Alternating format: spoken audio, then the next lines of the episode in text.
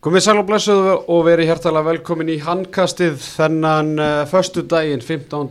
desember. Það er sérfæringur sem er heilsar hér úr uh, Oranjabúm stúdíónu á Krókálsi, uh, Dominos stúdíói, það er nú gott að vera þar en uh, á því miður upptekið þessu sinni. Þannig að við skelltum okkur bara í Oranjabúm uh, stúdíó hér í Reykjavíkinni og uh, erum hér þrýr, Ásker Jónsson og uh, Theodor Ingi Pálmásson, verið hjertalega velkominir báðu tveir.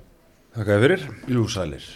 Herri strákar, uh, það er uh, stúdsvöldi þáttur framundan að vanda uh, Við ætlum að fara yfir þess að fjóra hörkuleiki sem framfóru í 13. umferð Úrælstild Karla í gær og síðan að sjálfsögðu endur þáttinn á landslis umræðu í bóði Vók fyrir heimilið en Dominos og Coca-Cola eru að vanda með handkastinu og það er í dag 15. desember tetti, það er svona síðasti sjans að fylla á byrðarna fyrir jólaháttíðina Já, heldur betur. Heldur betur og það er svona fátt betra jólastressinu heldur en að svona útvista eldamennskunni. og þá er gott að hafa Dominos sér, með, með sér í liði Sko ég held að ég fengi með Dominos á Þorlásmessu uh, svona 33 áruð. Já, Ekki sjá þessa skötu drullu sem er eitthvað mestir leikþáttur sögunar virðingu á skötuna en ég fer alltaf í dómaran. Já, sjálfsögðu bílamiðstöðun Krókválsi 7 með okkur og það er þungt yfir bílamiðstöðunni í dag.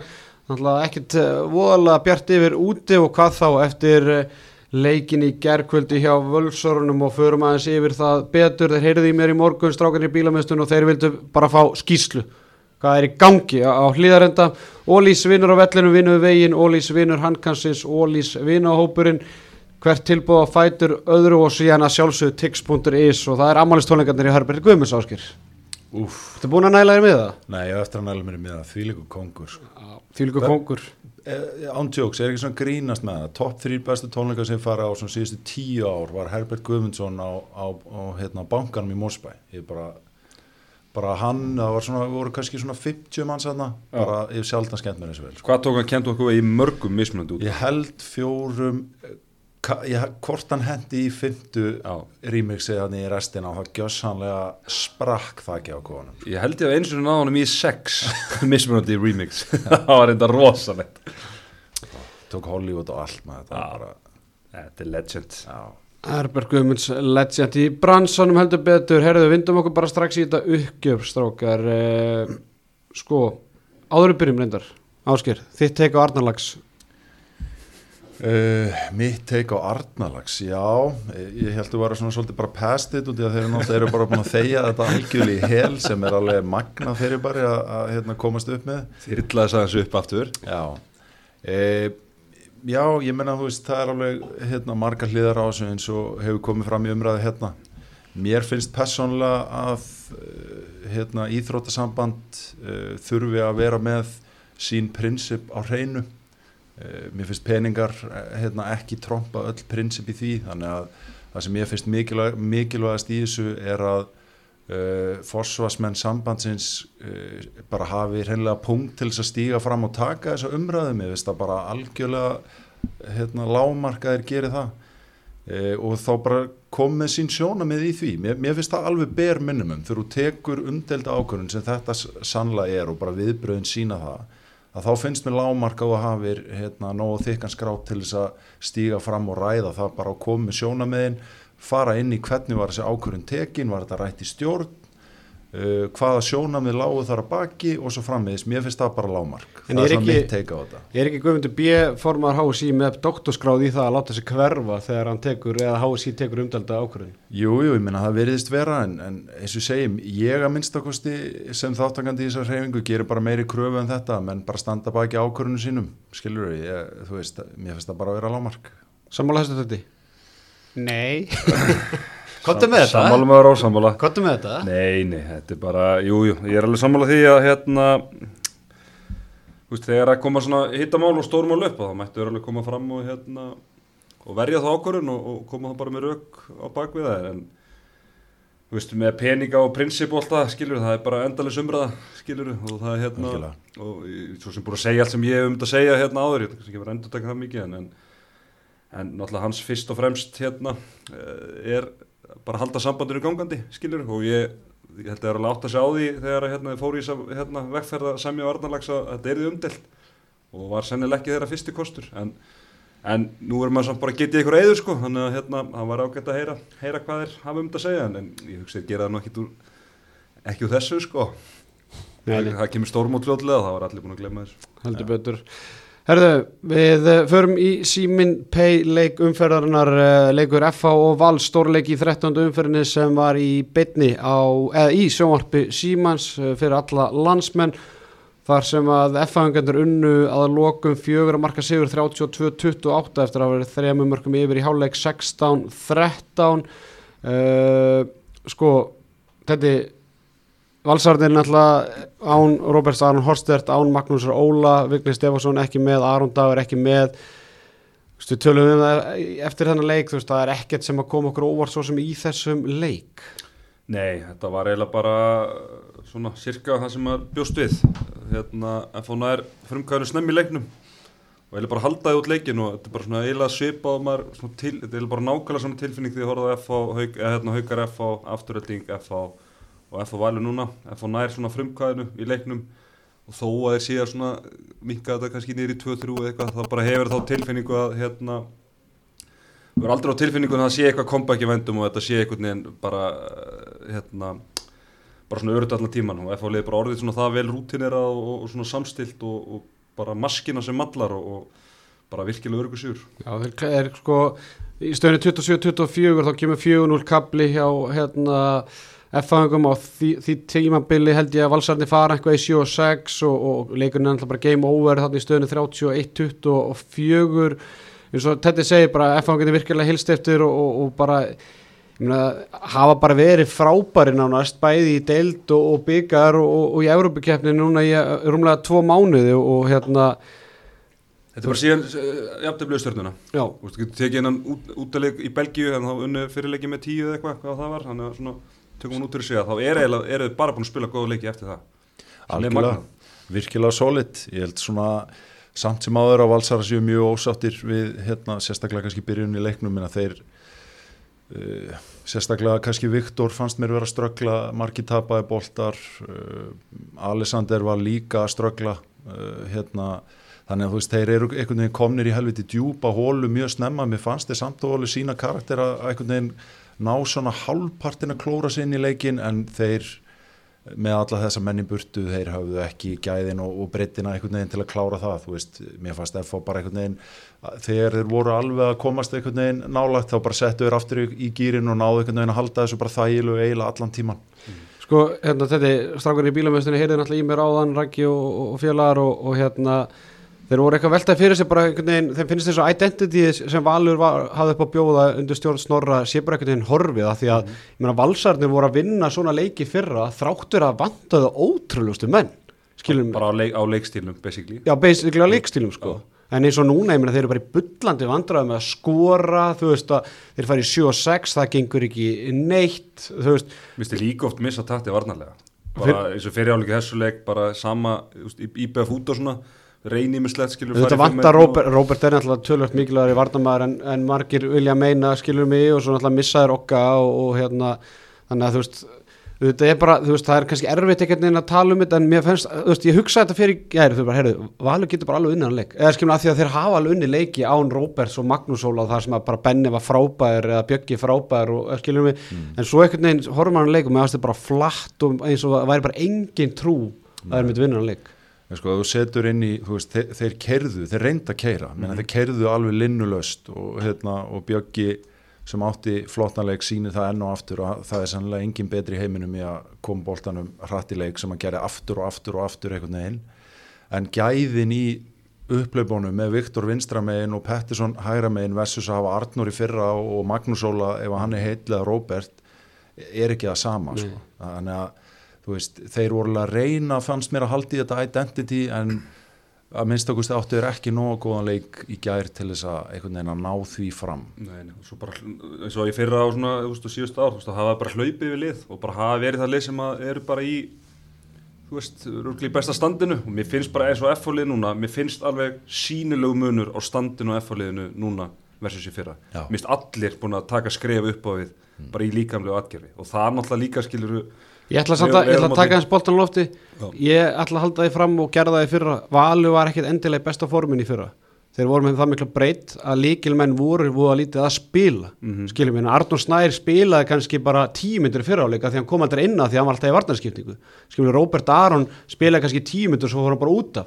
Magnús Óli, skiljum ég- ef þú tækir valslið í fyrra vosins bara afturheldingu eða, eða eitthvað skilur F í fyrra, þú settur eitthvað hlaupatesti eða eitthvað svona, ég held að valsarðin hefði ekkert komið út eitthvað svakalega, veist, þeir voru bara svo mikla breytt en F- en F-fólið í fyrra Er- já, og núna já, F- F-fólið núna er betra formi. hefði díla betur við varslið í fyrra en F-fólið í fyrra já, já, en þeir hefði samt öruglega ekki átt Já, mögulega veit ekki Það er miðað við- erfitt að segja Já, já. erfitt að segja. Já, ég er samt sko, ég held að, ég held að valsliða hefði komið helviti vel út úr flestum hlaupatestum sko. Já, en þú Þetta- sérð samt, þú veist, ef þú horfður á leiki vals í fyrra, þú veist að Arnór Snær spilaði valla helmingin á leikinu, þú veist, þeir voru alltaf bara í vörn og svo spilaði, þú veist, svo bara kerður upp Já, já. Benni, þú veist, þeir voru með tvo, tvær varnarskipningar, þú veist, Robert Aron spilaði bara, svo var hann búinn á því og skilum, þá vartum Magnús Sóla, skilum, þú veist, Já, þannig þannig þannig að þeir voru bara með Stíven, Stíven alltaf í tuttalegu formi, skilum, en svo voru þeir með líka með Vigni og þú veist, En þeir hafa náttúrulega svo sem verið að keira á því líka fyrir vetur og gert það vel skilur framan af, ég meina eins og bara kom fram í umræðum hérna, þeir litu helviti vel út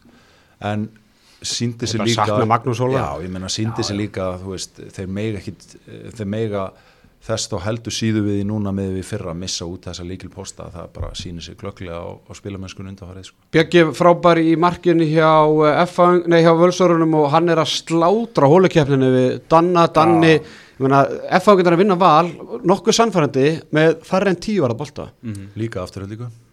Þetta er búið að vera svona í síðustu leikjum sko. Hann, en Danni er bara búin að missa á hausinu það Nei, nei, þetta er bara einhvern veginn Ég veit ekki hvað þetta er. Kannski maður er að æsa þessu í leikuna þeir eru bara dap, Nei, mér, mér finnst hann ekkit eitthvað búin að vera að spila illa nýju varði boltar, þetta er, þetta er ekki markvarsla. Nei, en ég menna á móti þá er bara F-fólið að spila það vel, vörninn sérstaklega við erum bara ógeðslega góð að þeir eru að þvinga menn í mistök skot framhjá, þeir eru að hérna, vinna boltan á annan hátt en að veist, mér veist hann ekki að droppa eitthvað svakalega í performance þó hann sé ekki Og tölfræðin hafi vissulega ég, ég get, já, ég myndi ekki segja að hann hafi verið lélur eins og myndi afturlíka hann tók, þú veist hann var kannski ekki með eins marga bolta að hafa prósendu eins og ofta áður en hann tók ógeðslega mikilvæga bolta líka Hann var í þessum leik líka. Þeir það. gáttu minkaði tvö, þá verið hann víti Þú veist, hann verið döðafæri Svo réttu boltandi sko. Algjörlega sko. en, en þetta er allra Já, sko, ég er búin að taka það okkurinn að uh, Ég er búin að missa tölu á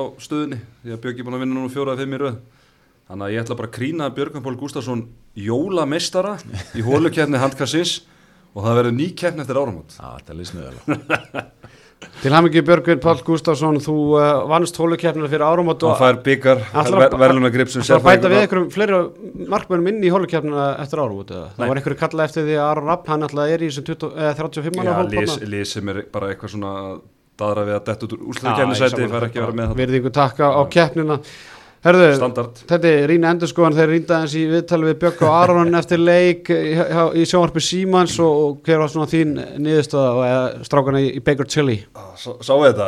Nei, ég missti þessu. Hérna, Einar Ingi, okkar maður, hann, hann var svona peppaður eins og við erum peppaðir sko og hann hendir svona í spurningu sko um hvernig hann orðaði þetta bara eitthvað aðstrákar hérna, minna, það er hérna EM og þú veist, eru ekki bara að fara, þú veist, undan úr slitt og bara, þú veist, eru ekki bara allir all in og bara velunarsætti og, og svipurinn á þeim fylgum hérna, þeir voru they were not having it sko þeir voru ekki til í þetta sko og þetta myndi mig á þegar hérna þegar Gústi Jó var að þjálfa mig í K.R. sko þá tókum mig og Andra Berg svona af síð sem voru svona uh, tveir á svona kannski gömlu köllarum þetta Stráka, ef þið lendi í viðtölum og svona, sko, þá bara, bara enga fyrirsagnir, bara lágan prófíl, bara höldum þess að svo bara komum óvart, sko. Veist, Snorri hefur tekið sömu ræða þá sko það var alveg, við vorum mjög dipló en hérna eh, en svona áhært í þessu viðtali að einan ekki spyr Aron út í hérna, út í álæð, bara hvort að hann hérna muni, uh, þú veist, hvort þau þurfi ekki að stýra álæðin á honum, ég veitur að því að hann hefur ekki verið að halda út mótinu og eitthvað. Og segir Aron sem ég fannst nú svolítið áhugavert sko að hann spá ekkit í þetta það sé bara þjálfar hans að, hérna, að stýra þessu og hann bara, þjálfari setur hann inn á bara, þegar þjálfari setur hann inn á þá bara spila ég. Og ef hann vill að ég spila 60 mínútur þá spila ég 60 mínútur, ef vill að ég spila 20 mínútur þá spila ég 20 mínútur. Svona meðsla hrjáðu maður hérna á mótið mér. Já, og við báðir, er þetta ekki þetta er ekki svona einfalt, er þetta ekki alltaf eitthvað svona smá samspil leikmanns og, og þjálfara eða? Jú, jú, þetta einhver leiti en ég myndi segja svo sem að ég hef verið með nákvæmlega sama hugafar og kannski ástæðan fyrir að minn ferill endaði fyrir að skilja þetta var e, Nei, ég meina ég hugsa að hugsa Aron hugsaði bara þannig skilur, ég held að segja bara hinskil með það. Ég meina hann vill, hann vill alltaf spila og, og hann vill bera ábyrjuna og, og það er ástæðan fyrir að hann er fyrirli ég held satt að segja að Aron komi sannlega betur undirbúin inn í þetta stórmót heldur, heldur um bara mörg önnur undan. Ég meina, þú veist eh, hann er í allt öðru hlutverki núna. Hann, hann hefur verið að spila bara meira og meira og meira. Að spila 50-55 minútur núna í síðustu leikjum. Já, já, þannig að þú veist auðvitað er hann náttúrulega ekki jafn þjættu og stórmóti og við höfum sannlega hérna, landslið til þess að hlífunum aðeins meira og vonandi gerum við það en ég er ekkit frá því að hann komi bara þú veist, þess vegna í betra leikstandi að það að þóla semst, lengri periódur í leikjum núna heldur en ofta kannski er það bara bull hjá mér það er svona mín tilfinning bara að horfa á hann sko. Mhm. Já, já, og við erum alltaf með leikmi núna, þú veist bara Janus er að spila mjög vel, Gíslar að koma tilbaka. Hvað er eða? Haukur- Já, ég meina, við tökum þetta bara þangað Nei, þú veist, þannig að hérna, við erum líka bara með fleiri leikmi sem geta list hluturki hans, skilur þannig að það er bara gegja En svo er að spurður hérna, Bjöggi, spurður út í bara svona vendingandi fyrir mótið og svona hverja, bara svona eiginlega sama spurning þannig og hann segir bara reynskilinslega, hvort sem það sé einhver, einhver frontur eða hvað, að bara við höfum ekkert sínt það á síðustu mótum, heilt yfir, að við eigum eitthvað tilkallið að vera í toppfjórum. Við þurfum kannski að sína það fyrst áður en að við getum fyrir að tala þeim nótum. Sem bara er rétt. Og alveg rétt og það sem ég segja líka, það eru sex í önnu lið sem að er að hugsa nákvæmlega sama við að vilja komast í, í undanúslit og bara við horfum á hann á milliriðil, sko, við þurfum að skilja, sko, ég ætla að tellja um nokkuð löndina, Frakland, Spán, Þískaland, við getum hent Króatíðarnin, þurfum að skilja þá þrjú að þessu liðum fyrir aftan okkur ef við ætlum að fyrir undanúslit, sko. Þannig að einhvern veginn að tala um að það sé eitthvað sjálfgefið, en auðvitað þegar þú dranga þessum sjötta, sjönda besta liðið, þá hérna punch above your weight, sko, þá náttúrulega segir bara, erum við ætlum að fara, vera tóf fjóri, sko, finnst mér, en, Já, já. en kannski skiljalega og þetta svona, ég hugsaði það að mér fannst svona, þetta er eitthvað svona sem þeir hafa rætt á milli sín, veist, í fyrra þá fór þjóðun á flug og það var brotlending og það var allt vittlust, það var svona mögulega á að stilla væntingandir eitthvað. Já, sko í fyrra, ég meina fór þjóðun og flug en brotlendingi var náttúrulega bara út af því að lið under achievað og komst ekki í áttalega úslit eftir hérna, hörmulega leikabla á móti ungurum og bara var í mjög réttmætt gaggrinni á þjálfarn og liðið eftir það sko. Ég- veist, þannig að þeir verða bara að höndla það og, og gera það pottitt Heldur betur, höldum áfram að gera upp þá leiki sem fóru fram í Ólistættinni í gær og eh, förum í kórin þar sem að fór fram, eh, já væga sagt, fjögur að stiga leikur milli HK Gróttu þar sem að HK-engar litu með einu marki 14-13 í háleik en þeir upp að staði, það voru það Gróttumenn sem að tóku stíin tvö heim á nesið, þar með fyrsti úti sigur Gróttu á tíðanbylnu, raunin gefur þeim gott klapp til hamingju. Það hlaut að koma að þessu. Það hlaut að koma að þessu, sagði Tetti 26-23 sigur gróttu í mjög svo jöfnum og spennandi leik þar sem að liðin skiptust á að vera með forskotið gróttumenn þeir spiluðu agaðan sóknarleik og voru bara spiluðu nánast sama kerfið aftur og aftur og aftur og ef það gekk ekki þá voru einhverjar smá breytingar. Ágúst Emil markaðastu með 6 mörg úr 7 skotum. Hákvæðingur Ágúst Ingi Óskarsson með 4 mörg úr 6 skotum. Bróður hans Aron Gauti Óskarsson var með nei fyrirgjöðu, hann er í Tælandi. Já, Thailand. verður ekki að kalla þetta smá standard? Jú, það er eitt leikur eftir að tíðanbúlinu Já, fyrir ármót hvað þetta er langt flug já, já, það er eh, En sko, ég fer alltaf í svona, ég, þú veist, maður fer alltaf í, í kórið, einhvern veginn. Þú veist, var, var alltaf hérna, planið að hann myndi spila með háká í vetur, eða? Eða eru menn búin að panta ferð fyrir fjölskylduna og svo eru menn dregnar og flót kortir í mót, sko? Já, ég svo veit ekki um það sko. hann var náttúrulega í fyrra Ég veit það, en alltaf hann að halda áfram, já, ég, eða, veist, ég veit ekki Ég- betur en, en, en hérna En auðvitað er þetta, auðvitað er, finnst manni, þú veist, ætla bara að vera með í vetur, skilur við, og þú sér leikjaprógramið, og þetta er ekki einhver vinnuferð eða eitthvað sem þú verður að mæti í, þú veist, og frestar bara fluginu tvo daga, sko, Já, það er bara já. tventu og lengur. Algjörlega. Samanlega því, herri strákar, það er svona óvænt stjarnar í, í gróttuleginu það er, hann kemur frá einmitt Asju, Aha, markmaðurinn Suhei Narayama með 8 varðabolta 61% markvæslu Vá. Sko gróttumennir og það er ekki eins og einabaldin það er lélu með 9 varða og 33% markvæslu en það grótta skuli hendi 17 varðabolta og meðan að hákangat eru með 7 varðabolta ég veit að við erum komin lengra en að tala um tölfræði en þarna er bara, þetta er staðarindir, þetta er bara varðið boltar skiljum við, við verðum að tala um tölur og ég meina veist, við höfum margóft talað um háká og við höfum líka margóft talað um gróttu. Og fyrir þremur umfyrir síðan þá vorum við að ranka gróttu sem bara eitt af kaldastulegum hérna, deildarinnar, þeir vinna sjömarka sigur móti Selfossi á heimavelli tapa síðan með tveimur á móti fram og vinna síðan háká núna í fjögurastega leik það að þeir geti skila 17 varðið boltum er ekkert eðlilega mikilvægt og einhvern veginn bara er að skila þeim því að þeir eru konn með 10 steg á töfluna Ég er bara mjög sjálft séð hreinlega í deildinni að, að hérna, það gerist í mörgu leikjum að séu 17 boltar á, á, á, hérna, á kortinu sko.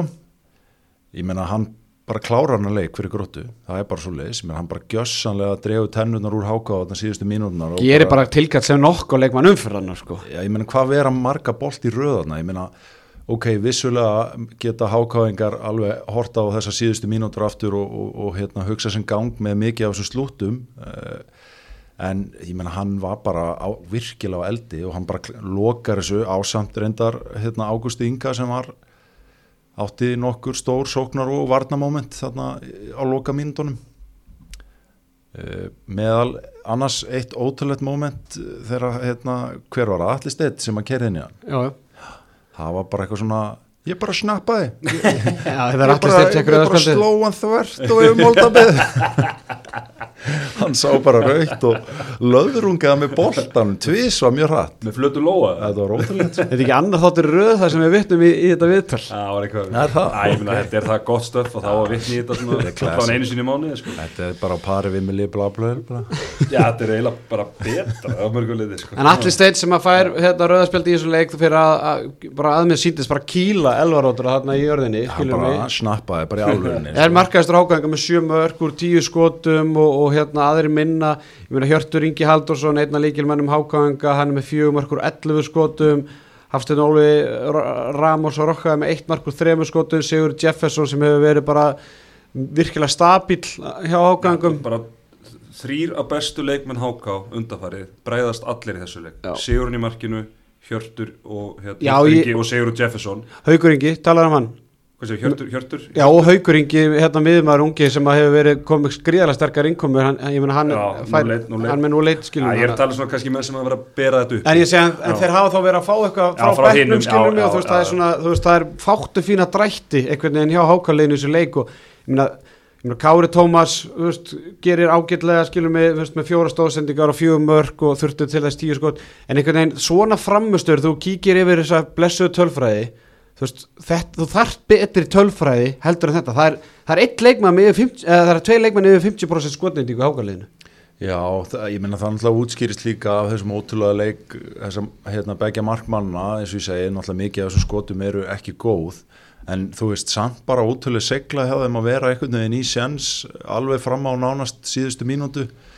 Eh, þeir, Er það, eða, eða, eða, hvað meinar við? Það er nú ekki langt sem við vorum að tala um bara háka væri bara með veist, öflegra lið einhvern veginn og Já. erfiðara heldur að mæta gróttu sko. já, algjörlega, það sem ég bara segja er að veist, þeir eru þó í leik þrátt fyrir þess að slöku framistuðu sem, sem ég finnst svona ákveð kannski bara framfara merki hjá liðinu Já, eða sýnir bara styrkleikan á þessu lið eða skilur mig, þetta er bara jöfn lið skilur mig, En að samaskapið þá eru þeir að klikka á mjög basic hlutum í restin, er að telja vittlust, varnalega, er að taka slaka skotákvarðinu í dauðafærum, þetta er bara rándýrt sko. já, þetta er rándýrt, Þetta, hákvæðingarnir eru með sjö stig í tíundasæti deildarinnar. Grótaði með tíu stig og búin að vinna innbyrðisleikin gegn hákvæðing, búin að vinna báða leikina þannig að þeir eru innbyrðis þannig að þeir eru basically með fjögur stig á, á hákvæðinga. Það eru 13 umferðir búnar uh, nýju umferðir eftir. Sko selfísikarnir, þeir eru einhvern veginn að komast einhvern veginn meira í gang og menn vilja meina það að hafa trú á því að þeir skilum er það lið sem að mögulega bæta vissi í, í, í desember, janúar og allt þetta. Svona stærsta svona komur að segja baklandi eða slíkt sko. Já, já, þú veist, við höfðum áhugjur af Víking og Háka fyrir tíðanbilið, en einhvern veginn, ég meina Háka hann vinna Hauka í fyrstu umferð og, og, og allt það. Ég meina, þrý sigurleikir eitt í ettefli eftir fyrstu 13 umferðina eftir sigur um Haukum í fyrstu umferð, menn þetta er langt undir þeirra væntingum Já, og það kemur mér, sko, af því að mér finnst spilamennskan í síðustu leikjum hafa mörguleiti bara verið ágætt. Þú veist, þeir að vera að tapa svolítið alveg allra síðustu leikjum, þar á undan Æ, kom... ég meina, undan því var náttúrulega bara að skýta sko. kom, ja, kom sigur ánum mútið Víking og svo áttir hérna, byggaleikurinn á móti afturheldingu og, svo bara svona búin að vera í öfnum, í öfnum leikjum og bara mér finnst vera, hérna, bat, hafa verið batamerki á þeim. En þetta var algjör líki leiku fyrir það og þarna töpuðu þeir. Og þú veist, ég meina, þeir eru þreim stegum eftir gróttu og, og þetta er bara fjögur steg þarna, þú veist, í innbyrðisleikinu sem munnaði það. Þú veist, ég á mjög erfitt með að sjá Háká fara upp fyrir gróttu úr þessu, ekki með innbyrðisleikina á, ekki með innbyrðisleika á inni, sko. Sem þýðir það að gróta sem að hérna, fyrir nokkrum umfyrir síðan og, og sínum hann aðeins hvað þetta ræri smikið hérna, þessi powerrank listi okkar hérna blessaði. Mér finnst bara það er svona, ég ætla að setja svona 6% líkur að grótafalli núna. Þú veist að ég bara sé ekki háká fara upp fyrir grótu ég sé ekki bæði háká og viking fara upp fyrir grótu Nei, ég held að það sé útilokað að bæðilegin gerir það sko, ég held að þetta er svona þú veist, þetta, ég meina eins og þetta er að þróast núna með að við hennan í gær sem að á eftir að ræða þá náttúrulega líklegt að þetta verði einhvers konar grautur af HK Viking Selfoss að berjast þannig á botninum ef að, ef að gróta hérna út eða gróta svona næra að skilja sig aðeins frá hennu, þetta er náttúrulega mjög mikið eftir í þessu og þú veist, fyrir öll þessi lið þá getur, þú veist, geta ein meðsli sett einhvern veginn allt úr skorðum og breytt bara í öfnunni en, en ég er alveg samanlega með við stöðunum núna hvernig það hefur að spilast síðustu leikjum. Heldur betur þjálfræðilegt afreikar hjá, Rópa Gunn að vera komið 10 púnta eftir 13 umferðir, hver hefði trúað því? En strákar, förum í mýrina, Oranje Búm leikur umferðarinn, Oranje Búm uppáhalds ekki jólabjórun okkar í handkastinu Það var drukkið Oranje Búm í Garðabænum í gerð þetta Sigur stjórnunar 23-22 eftir að hafa verið 5 mörgum undir í háluleik 15-10, haugarnir skora 7 mörg í setna, nei 8 mörg, nei 7 mörg í setna háluleik sko skora 7 mörg á fyrstu 13 mínútur komast í 7-1 komast í 19 sko 12 eða eitthvað í byrjun setna háluleik svo skora er 3 mörg bara síðustu 18 mínútur leiksins eða eitthvað álíka sko hræðileg byrjun stjórnunar skora fyrsta markisett eftir 8 mínútur og hver hefði trúað því að stjarnan myndi koma tilbaka? Ég meina hvað er langt síðan að það kom endur koma hjá, í, hjá, í Garðabænum? Já, mjög langt síðan og, og maður einhvern veginn held að haugarnir væri bara að fara að sigla þægileg gegn Já, hann leik. bara gæti ekki sokkið mikið neðar. Og svo ser maður bara byrjun á leiknum bara 1-7 bara, já, ok, þetta er bara svona þú veist, þeir eru hérna þeir eru aðeins að hérna, svara gaggrinni og, og svona, þú veist, bara liðlega spila með sko undanfarið en, en einhvern veginn það klúra þessu og, þessi setni áleikur sko, þessu varst að fara yfir að þú veist, þeir skora hérna meira fyrstu 13 13 mínúnar, eða jafn mikið fyrstu 13 mínúnar skora alla setni Já. sko.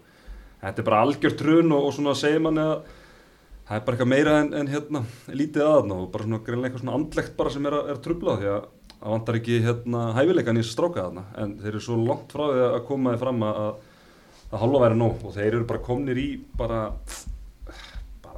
er með tveimur stöðum meira en gróta Já, þú veist, þeir eru þarna í sjötta sæti með, með 12 stig og, og, og innan við 50% sigurhlutal, sko. Það er bara helvítið daburt með að við hérna leikmann upp. þurfa, ég meina, nú ætla ég bara að spyrja í alvörunni.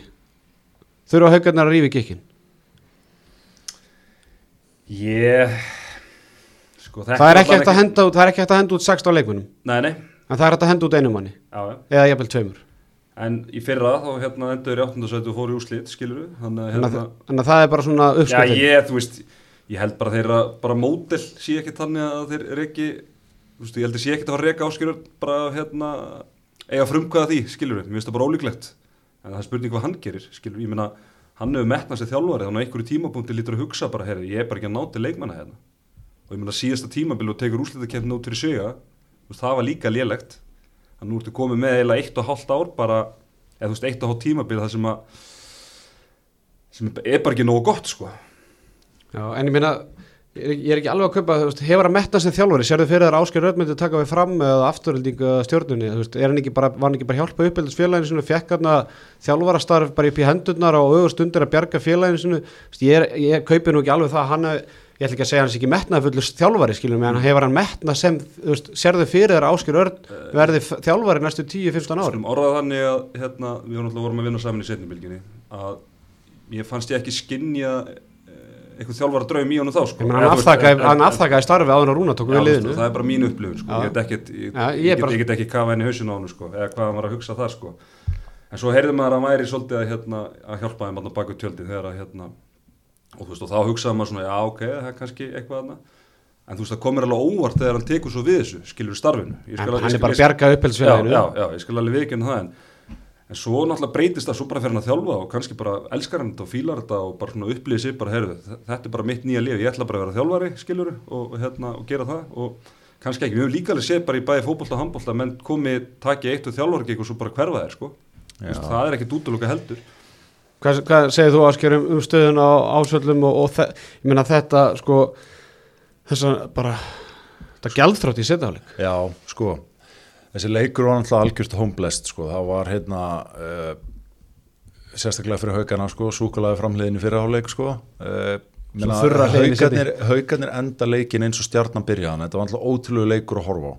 Fyrirfram þá held ég að allir hafi bara verið nokkurn veginn sammálum að þetta væri bara alltaf í 50-50 leikur með meðslastöðuna á haugaliðinu, ég meina það vantar helviti mikið hjá þeim.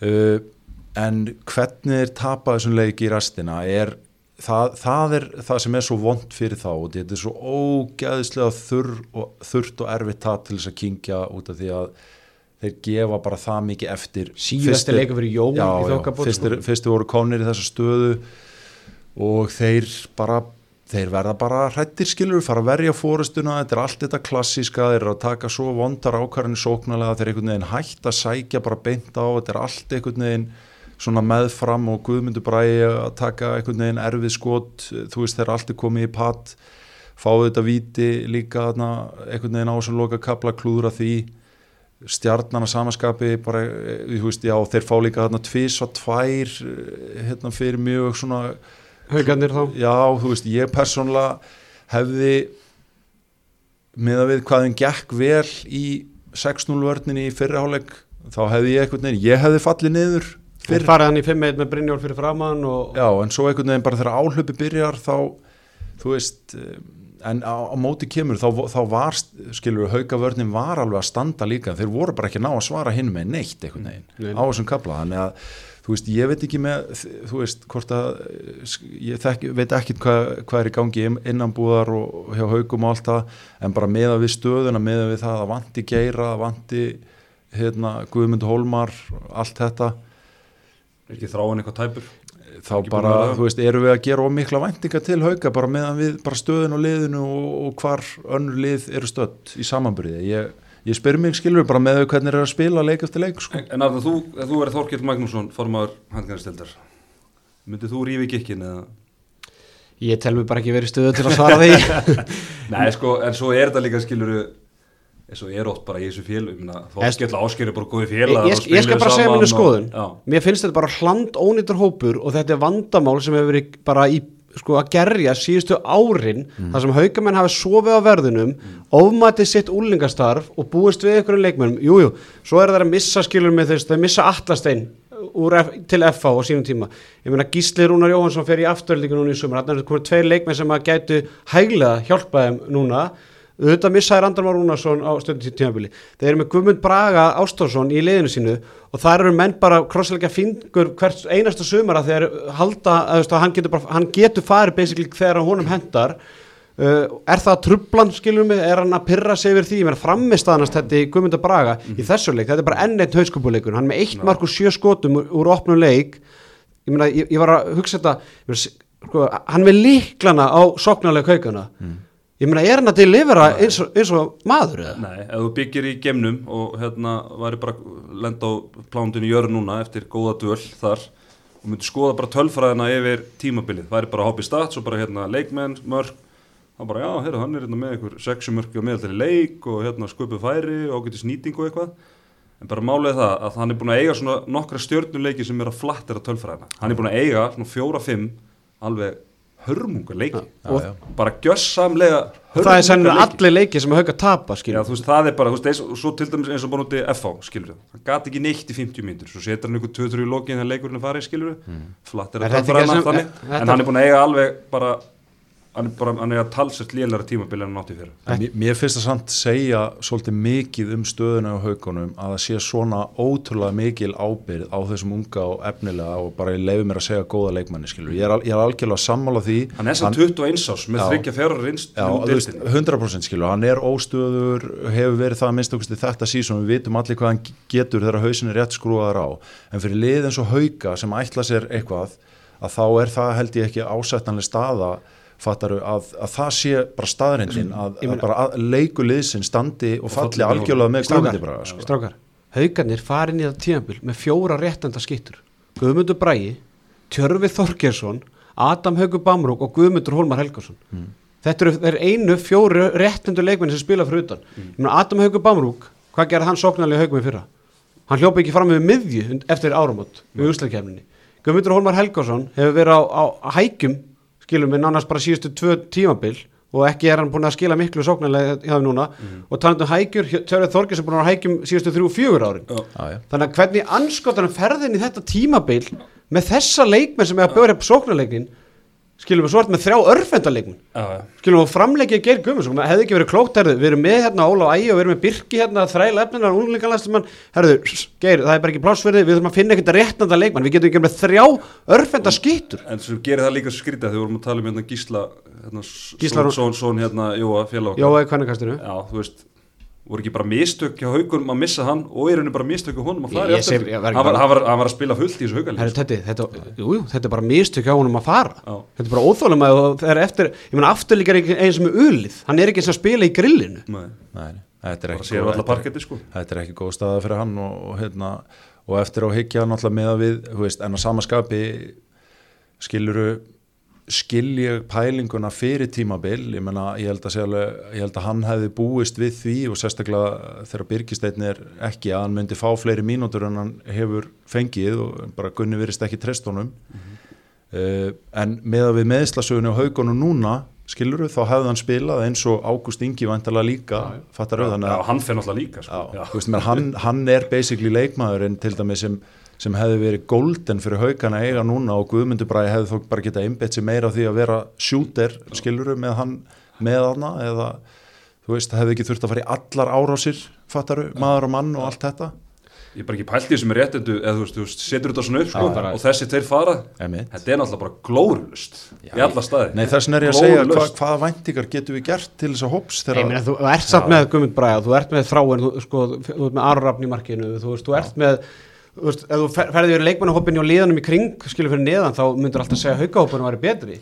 En veist, en þarna ertu bara, þú ert með hóp sem er bara þjakara meðslum, með lítið sjálfströðst, vonsvegnir að vera, vera ekki betri á þessum en tíamóti. þa- þarna kemur inn og nákvæmlega það sem ég er að tala um skilur við, þú veist, ég er ekkert að segja að þeir séu ekki með hóp sem getur gert betur skilur við, ég er bara að segja að þegar að kröfunar eru miklar í liði eins og haugum sem hefur sögu og allir leikmennarnir er að gera kröfu til sjálfsinn þannig að þeir eru líka vonsvetti skilur þeir eru líka eðlilega að gera kröfur í takt við það sem þeir ímynduðu sér fyrir með full lið allt þetta skilur umræðan neikvað þannig að það skapar svona ákveðin spírall en ég minna að samaskapir og haugavandala bara heiminlegandi með það sem kom í jólafrí og hafi núna tíma til þess að hérna, stoppa í göttin og, og svona einhvern veginn berja sér saman ég veit ekki hvort sé eitthvað lausni því að finna nýjan þjálfara en þú veist það er þó bara nafni minn sem getur svara því. Hefur hann passion og gritt til þess að fara í gegnum þess að ógesla þungu vikur sem eru núna í að keira þetta allt upp aftur og taka svo slæðin eftir áramót skilju það er hann sem Ég verður held að náttúrulega sem meira svara því. líkur að hann stíði til hliðar heldur en að Þorkjeld taki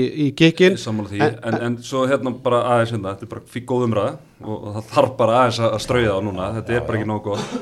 Sko er líka bara, það sem er búið að vera gangið hérna í síðustu ár það er bara búið að vera flatneskja síðustu ár. Og ég meina í, í, grunninn er þetta bara búið að vera bara sami, sami leikmannahópur þannig.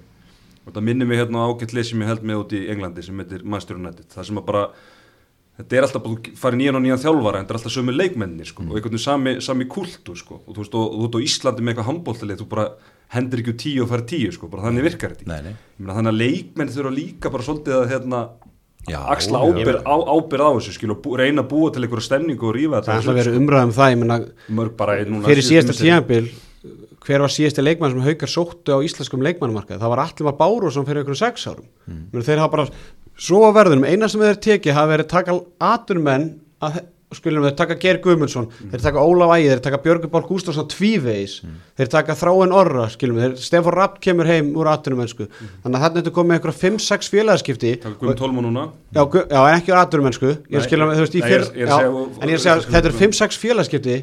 Félagaskipti utan Evrópu, þetta er eitthvað 600-700 krónur bara félagaskipta gjaldið þetta er eitthvað nokkra miljónir sem það eru eitt í félagaskipta gjöld fyrir eitthvað leikmenn sem hafa skila hverju fyrir félagið. Hvað hefur Ólaður Ægi skila fyrir félagið? Geir Guðmundsson, Þráin Orri Stefán Rapp, Björgvin í tví- tvígang. Þetta eru sex félagaskipti þetta eru upp á Er, einhverjar er þetta núl titlar eða unnur er deildar hvað hafa komið til eða, hvað komuður með á borðið? Þetta eru kringu þrjár fjóra miljónir í félagaskiptagjöld pluss þráin orri er ekki ókepis Ólar Ægir er ekki ókepis, Geir Guðmundsson er ekki ókepis Björgur Páll er ekki ókepis staði fyrir að vera Aron Rapp, hvað, hvað, hafa, hvað var nákvæmlega þeir í FH gert á félagaskiptaglökunum unga leikmenn. Akkurat og hvað hafa þeir skilað til félagsins? Bara skemmtilegur handbólti þú veist bara og það er líka, þú veist við nefndu ekki á hann í umræðunum FH mér finnst besta blandan með handbóltalið og mér finnst FH-lið frábæla samsett að því leiti að þú með, færð leikmennu aðdunumennsku sem er ennþá bara góðir og hafa eitthvað að gera og hafa eitthvað pedigree skilur við, svo Aron og, og Daniel. En svo ertu líka með unga, svona gæja sem er í kringu tvítugt sem ætla að ná langt, sem eru horni og ætla að bæta sig, skilur þetta er í fullkónu blanda, bara svo afturöldingar að ná að vissuliti líka núna, skilur, þú serð hvað eru margir horni í haugaliðinu? Já, þú myndir já. bræði, skilum við, hann er alltaf horni Já, já, já, en svo náttúrulega er, eh, þú veist, það er svona spurning líka, ég myndi segja kannski að, þú veist, eh, haugar hafa að einhverju leiti reki svona aðeins lokaðri stefnu en til dæmis FH með þetta hvaða leikmenn, unga leikmenn þau fá inn til sín, þeir hafa alltaf lagt rosalega mikla áherslu á að búa til pathway fyrir sína stráka, skilur út, því að það reyndist þeim vel hérna í, áður fyrr. Þú veist, það hafa hotnamenn skilur komið upp, eh, kannski ungir en það hefur ekkit, þú veist, þeir hafa ekki náð þessir ungu strákar sem átt að blómstra upp og koma að taka við hafa kannski ekki alveg komið eh, eins og þeir byggust við. Nei, nei. ég, ég veit ekki hvort að spila inn í en, en þú veist, þegar að, þegar að árangurinn næst ekki, þá náttúrulega er erfitt. Og það er bara það sem hérna, haukar er að gangi í gegnum núna og fyrst og fremst út af því að uh, þetta er metnaða fullu klúpur uh, hérna með mikla væntingar til, til hérna, sinna liða síns yngreflokkar starfs og allt það. Þannig að en ég er ég er, einhvern veginn, ég hef trúið að, að, þeir muni koma tilbaka og, og finna út úr þessu. En þeir verðu þetta bara hérna, horfa, þú veist, blákalt á stöðuna og það er ákvarðin sem hafa verið teknar og bera ábyrð á þeim og, og læra skiluru af, af, af stöðunni og því sem uppi komið og þá munu þeir gera það skiluru, ég varst ekki um það. Þetta er bara í rétti lokin uh, Þráin Orri, hann virkaði gasaður eftir tímundan leik og, og þú veist það er ekkit annað í stöðun að senda bara Þráin Orra í fitnessport og fá, hvað, bara bretti af einhverjum töflum Já, já, það er bara, það er að vesla mikið þar og, og náttúrulega var ekki Úlfur í banni í þessu leik ennþá og jú, jú. það náttúrulega hjálpar hann mikið neitt og þú veist, hann er koma tilbaka eftir erfi meisli og þá ertu bara tíma að byggja upp hérna, já, já. svona langt, langtíma hérna standi þannig að þú þólið mikið álaga og svona og, og bara, já, nú er engi greiði gerður hérna, einhvern veginn að vera ekki með bakkupi sem hann, þurfti, en meðan það þannig, þá bara þarf að fara í fitnessport og, og, En og, vesla, og vesla vel.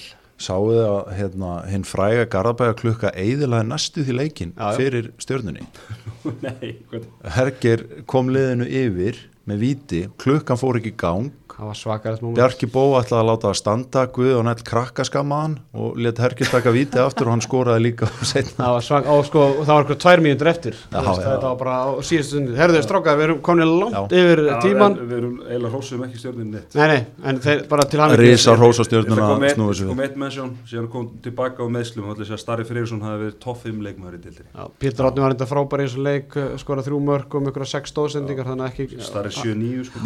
En hægri vængur hjá hálfleik. er bara að frábæri leiknum. Herðu, Selfoss afturölding, Selfissingarnir 17-15 yfir í háluleika en að tapa að loka með 5 mörgum 33-28.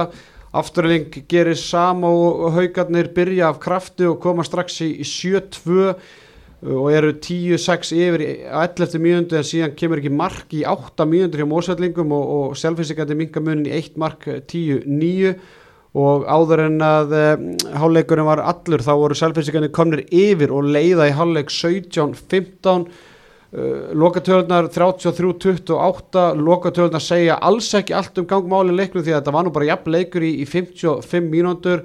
Ásgeir, ég ætla bara að leifa þér að eiga orðið hvað var þar þennan leik uh, bara, já, segðu okkur bara hvað fór fram þarna. Mm, ég bara Selfinsika segir framan af mikil hérna, værukærð fannst mér í, í afturhaldingaliðinu þeir svona, þú veist, þeir byrja mjög stert halda einhvern veginn bara að þeir séu að fara að sigla þessu heim. Alexander kemur í marki tekur nokkuð dauðafæri, verur nokkra bolta kemur um inn í leikin, þá er þetta allt í einu bara orðið jafn leikur, þess að selfinsingarnir eru bara á geggjuðu rönni uh, komast yfir. En svo í restina þá einhvern veginn eh, hérna snýst þetta við, Þorsteinn átti ekki góðan leik fannst með framann að var að taka mikið á slöku skota ákvörunum og, og hérna þó hann sé náttúrulega ótrúlega öflugur, veist, hann er 6-14 í þessum leik þá samaskapi stígur hann upp einhvern veginn í restin og skora nokkur nokkur ótrúlega góð mörg sem einhvern veginn sker á hnútin og hérna binni, þú veist tekur einhverja þryggja fjara bolta sirpu hann í restina og, og þannig bara einhvern veginn náður að döðróta leikin á, á hérna á lokasprettinum og, og samaskapið þá, já, þú veist ég segi, Binni tekur hérna nokkra bolta, Hannes uh, hérna, uh, frendi minn var búin að vera mjög góðu framan af en svona fer nok illa með nokkuð slút þarna í restina og þar, þannig, þar með fór sem fór. Heldur betur uh, má sér líka þeir halda bara áfram að vinna þessi lið fyrir neðan sig með uh, 17 stig í þriðasetti deildarinnar með jafnmörg stig og IBF sem eiga leik til nei, afturleika hann alltaf leika á móti val á mánundaginn og, og klára þá ólisteildan fyrir áramót uh, Selfisíkandur Eigamenn komið lungskerðan aftan að þessu Já, já, heldur betur. Uh, Selfisíkandir eru á botni deildarinn með 6 stig og en það er svona einhver teik, teikn á lofti að það sé eitthvað að- að mjekast í rétta átt hjá Selfisíkum þráttir að það er ekki náð sigurinnum þarna. Þetta ég ætla ekki að leiða að tala neitt um hennar leik. Takk Þetta er ekki bara fegin eða? Jú. Þú varst á skrallin í gerð. Þú... Nei, ég var nokkið skrall Nei, nei. Áru nokkrir, áru nokkrir, við kennum það Herru, við ætlum að velja nokkuð leikmann umferðaran og skýtu umferðanar í bóði skolprinsun áskeis í, á uh, mánudaginn þegar að við bara þá er umferðinni, umferðin öll þannig að uh, þetta var yfirferð okkar um þess að fjóra leiki sem eru búinir nú þegar uh, tvei leikir á morgun laugardag IBF Víkingur, kveðjuleikur hjá færingnum Daniel Ragnarsinni og síðan Káa Fram þar sem að uh, Marko Korits, hann er farinn og það er smá leiðréttingu hot hérna í handkastinu þar sem að eh, við svona vorum aðeins að ræða það hver- ástæðan fyrir því að Marko væri farin og, og við fengum bara eldheita hérna, postsendingu frá hérna, úlóðstadalunum þar sem að var nú bara tekið fram að, að að unnustaf Marko er vissulega ólétt og, og býr ekki á Íslandi og bjó á Íslandi í fyrra en flutti til Króti aftur í, í sumar og hún er bara gasólétt og uh, það var planið að uh, hann myndi klára þennan leik en það gengur vist eitthvað erfilega í, í hérna uh, bara, hvað segir maður í þung, eða hvað segir maður Meðgöngu. meðgöngunni, já, meðgöngunni og hérna þannig að Marko þurfti bara helst að fara sem fyrst og vildi gera það þannig að þeir gáðu honum það, framarni viðkynna hins vegar að þetta létti vissulega alveg undir buttuna en uh, á sama tíma auðvitað vond fyrir það að missa jafn, gríðalega mikið leikmann eins og Marko bæði sóknarlega og varnarlega. Já, og, og fyrir, á mínu, svona fyrir mitt leiti þá er þetta mest svona uh, irreplaceable, eða svona leikmann sem erfitt er að hérna, uh, svona hérna, hvað maður að segja, skipta út eða hérna, replacea, algjörlega. Sletti maður. Myndur Svo vilja fyrir, fyrir, frekar fyrir, fyrir utan Rúna Kárasson. myndur ekki vilja að missa frekar rúnar og Já, nei, það væri, það væri aðeins meira vesen. Það eru strákar- Algjör líkil leikmann fyrir framar. Förum aðeins á- leikum okkur aðeins á hérna hjá eistnesku vinum okkar uh, í BF Víkingur, hvernig fer svo leikur Ég held að vikingarnir takit nógand hann að það. það var ekki, stuðull 8,5 Átt, er hann ekki herri? nei Það sami stuðul á United á móti Liverpool og Anfield. Vinna, eða, það, við getum verið í forgjun að vinna IBF með sjömörkum Já, það held ég. Ok, IBF vinnum með sjö fram káa, ú, káða fram. káa eða fram káa. Þetta er framkáða, ok. það stendur allavega hérna á, á, á, hjá ísne- íslensku vinnum okkar. Já, ég held að, já, framvinnu það. Ég hefði sett á káða sigur þetta hefði verið fyrir norðan. þannig að við ætlum að treysta heimaðallin Já, káa sigur, nei fram sigur og IBF vinnum með sjö. Þetta gefur okkur stuðul upp á 2,4 Nei, ég ætla að breyta, káða vinnur þetta. káa vinnur, Já, e e eða bara káa tapa með minna þremur? Já, take it. Ok. E- Þetta er svona leikur sem veltur algjörlega á markuslu Já. þessi framkáa leikur. 3.42 forgjöfun á báða leikina. Ég held að káa þeir annars missaði framar hana sko, sjöstum fram úr sér. Mhm. það er svona Herru strákar, förum í landsliðsumræðina í bóði Vók fyrir heimilið Það átti vissulega, við ætlum að vera með sjóðandi teik hérna á nýjasta, nýjastu fréttunar þar sem að landslýshópurinn hefði verið tilkynntur klón 11 í dag.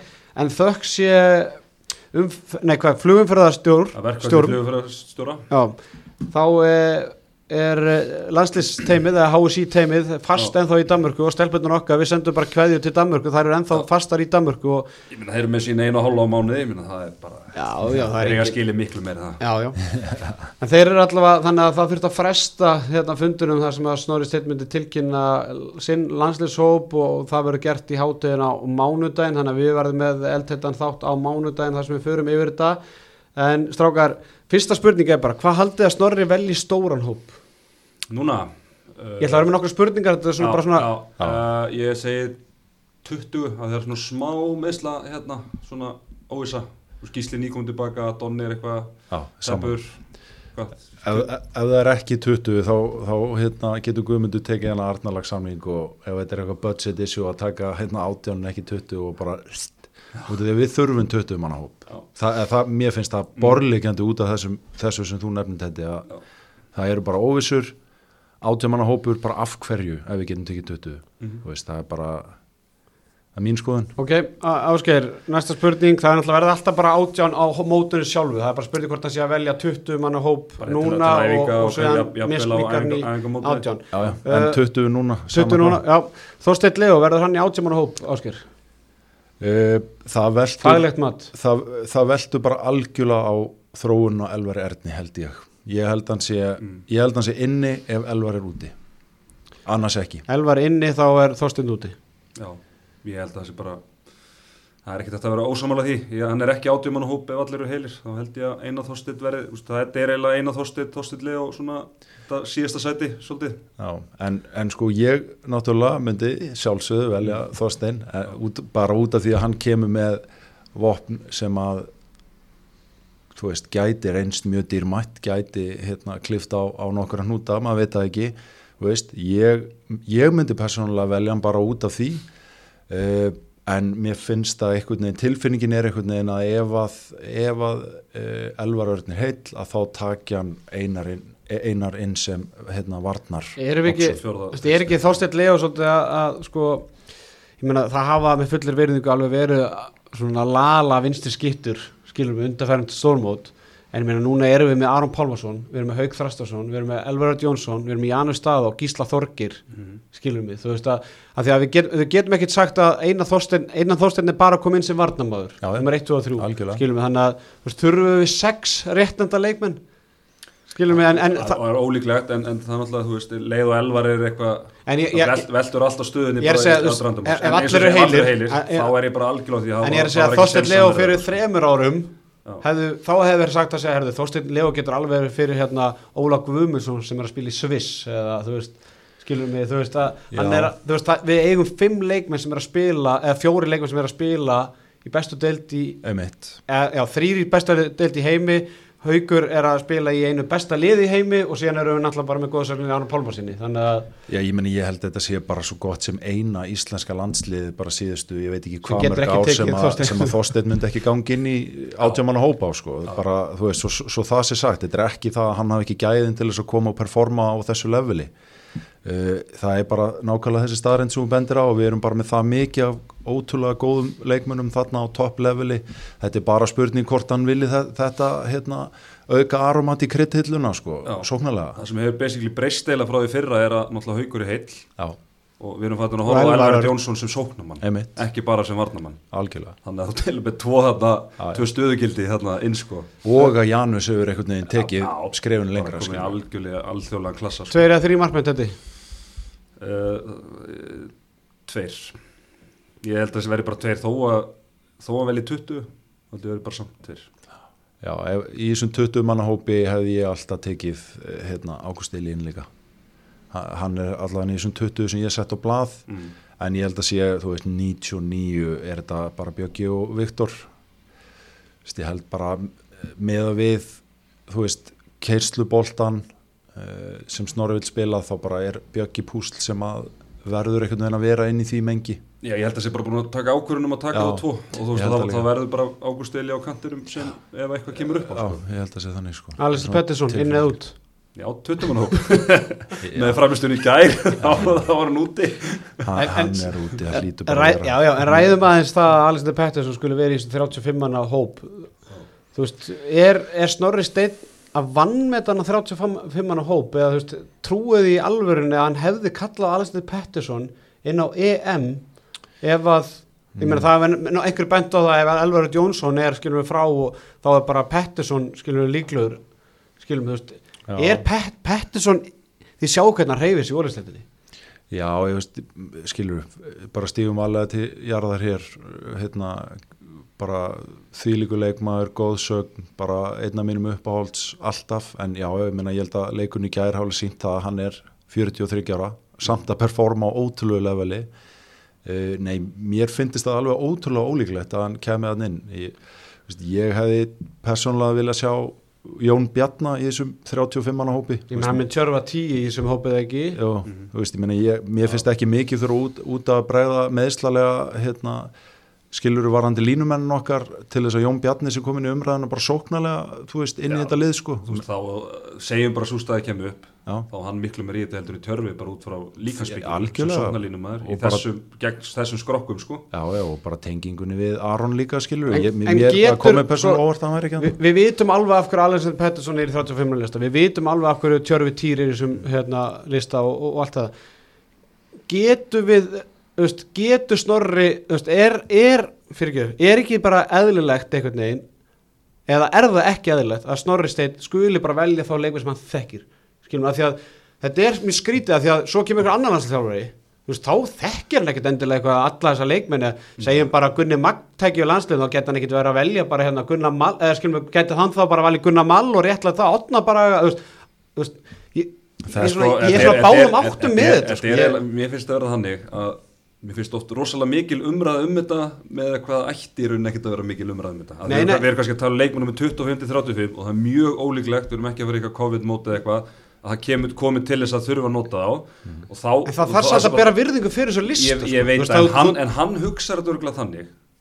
Þú, veist, an, þú getur nálgast þetta á tvo við annarkort ertu bara verðluna leikmenn fyrir góða framistuðu með að vera með 25-35 skilur við eða verðluna fyrir að hafa verið undir þinni stjórn Nei, síðustu ár. eða þá að hann hugsi ef að ég lendi þeirri stöðu að meiðist hérna þrýrið þessari stöðu og þá, ég verið með hérna tvo valkosti þá vil ég kannski freka taka gæjan sem ég hef unnum með og þekki og veit hvað getur og, og þú veist og veit hvað ég vil fara að fá honum og allt það skilur það er vantalega hans er það. fyrir því. Já, já. og mér er eiginlega bara ég skal bara segja, mér er eiginlega drullu sama hvora nálgunna notar af því að það mun ekkit koma til þess að við þurfum á þessu leikmennum að halda það er eiginlega bara eins og að vinna í lottó skilur við líkur Nei, nei, en þú veist, algjörlega, ég, þú veist, praktist ég er í sammálaður, en ég er líka sammála hérna þér Arnar Daði með þessi Veist, ég, ég, 30 ég veit ekki hvað ég er sam, eða, veist, ég er Nei. eiginlega sammála báð og ósammála báð, veist, mér finnst ef, þetta ég, ef, ég, ef ég verið snurri steinn þá myndi ég hugsa, ég bara segja hvað ég myndi gera Já. Já.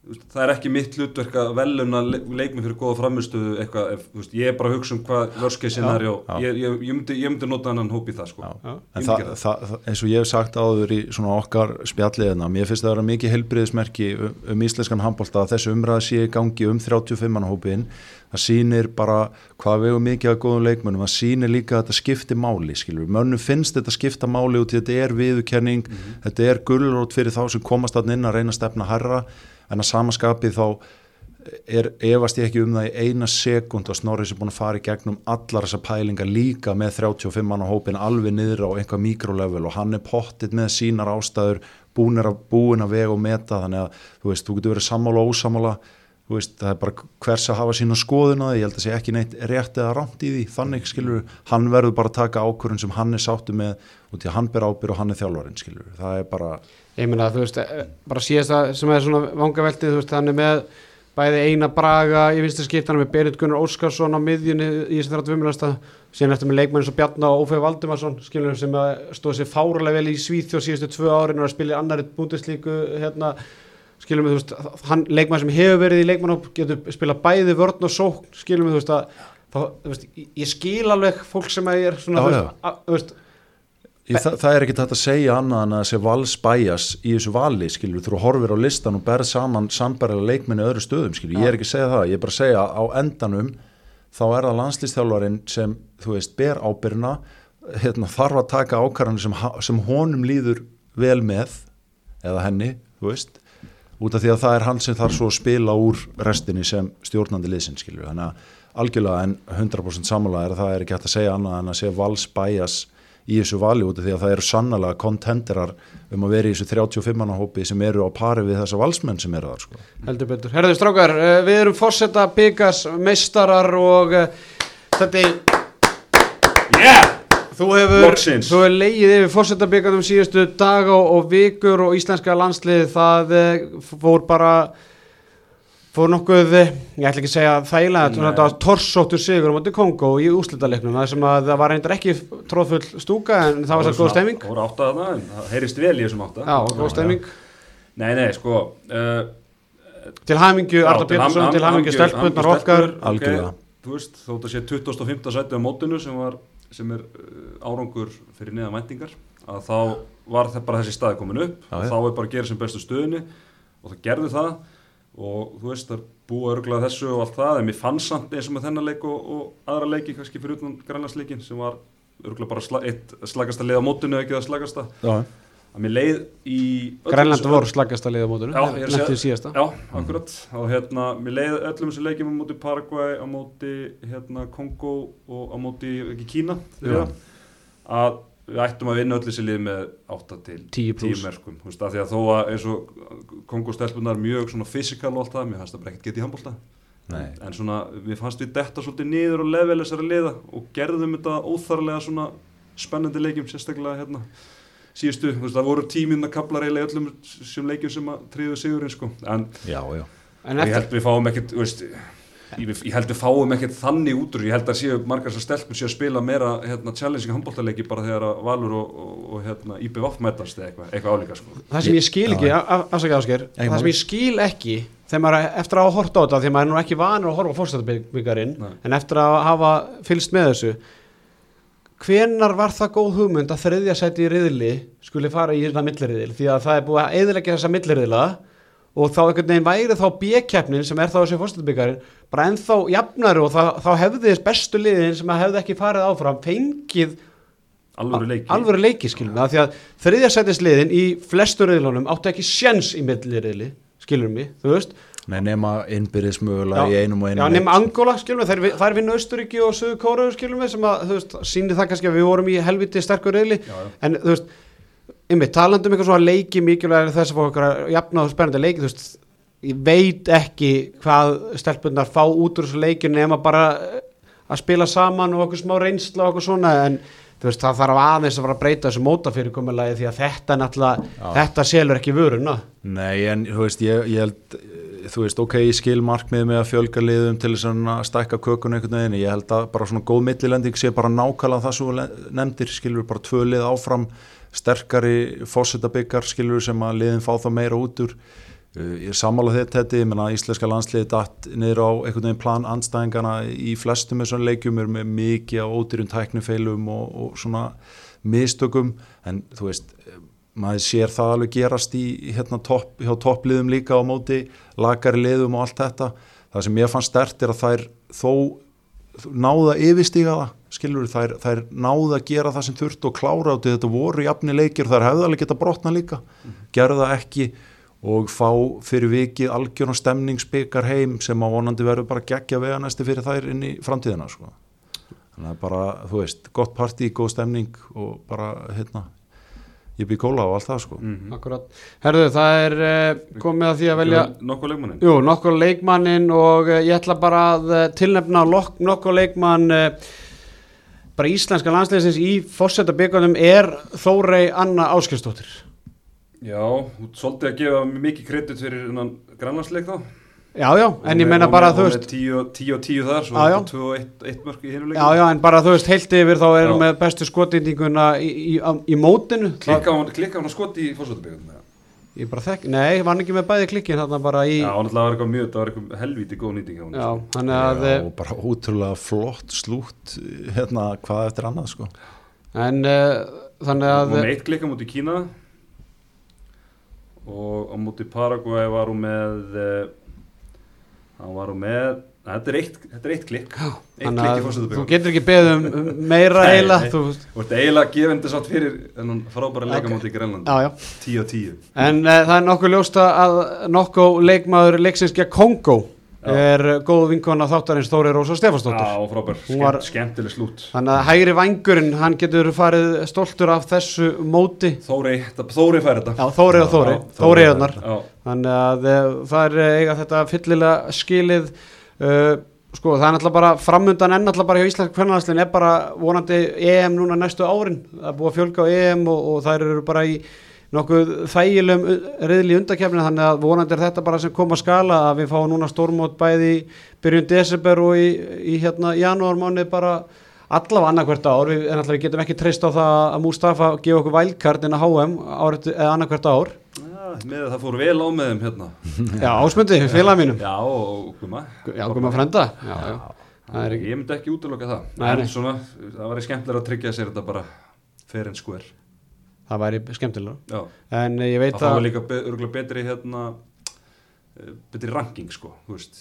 Þá er lettar riðil. Já, ég meina vonandi verðum við annað, annað í öðru, öðru hérna sæti skilum í þessum undakefnisreyðlum en ég veit að krakkarnir í, í vók fyrir heimili þeir hafa verið að eh, syngja og tralla síðustu daga eftir að fórsetabíkarinn kom heim en það er ennþá smá töf á því að fórsetabíkarinn komi heim þökk sé hérna verkfallinu. En ef það verður ekki svona vont veður, það er spurning hvort það verði bara móttaka, Arnarhóll og, og gleði. Þessi verði ekki bara gaman. kringum glæsulu þjóðurhöllin okkar. Ásmundu verður þar á, hérna. Fyrsta skóplustúka að það það með byggarnum Já, já.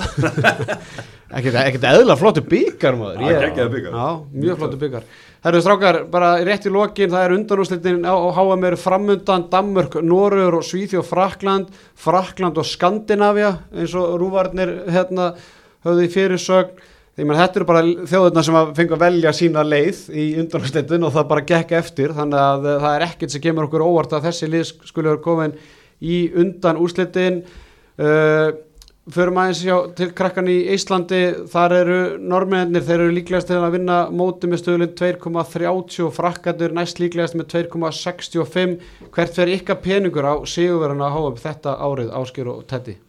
Ég ætla að setja France með það sem ég sé Já, Það er náttúrulega unni normennina í, hérna, í millirðilum. Að ég held að, held að Þórir takit það hérna, það mætir frökkum aftur Það væri eitthvað rosalega ef íslensku þjálfari tekur bæði HM og fórstættubökarinn. Það hefur aldrei gæst í sögunni. Herðu, það Herðu, er það er svaðalegt Það er náttúrulega Ísland, það, það, það myndi bara svona geirnegla það að þjóðar íþróttin er handbólti. Já, ég meina þá fáum við vælkart bara, næst, bara mót næstu tíu ári sko. Já, ég, ég, ég spáði því en, en hérna, auðvitað, náttúrulega frakkarnir eh, með geggjalið líka og ef hún heldur áfram að verja svona markinu sem hún búin að að gera þá, þá náttúrulega vinna þær en, en ég held að að hérna nú er ég mörg Já, og, djöfull er hún er svo seg Hún er ekkert svo gömul, af því hún er búin svo lengi mann heldur hún sé færtug sko. Já, og líka- bara eitthvað Já, 91 byrja- mótil eða eitthvað? Jú, Jú, og líka bara út í hún er náttúrulega búin að slíta þrís var eða eitthvað sko. með nýjalljóra báðum. Og lendi smá barsli í persónalífinu þannig að það, hún hefur verið hérna. Nei, nei, ég held að, þú veist, það, en það væri, það væri draumaleikurinn að, að hérna,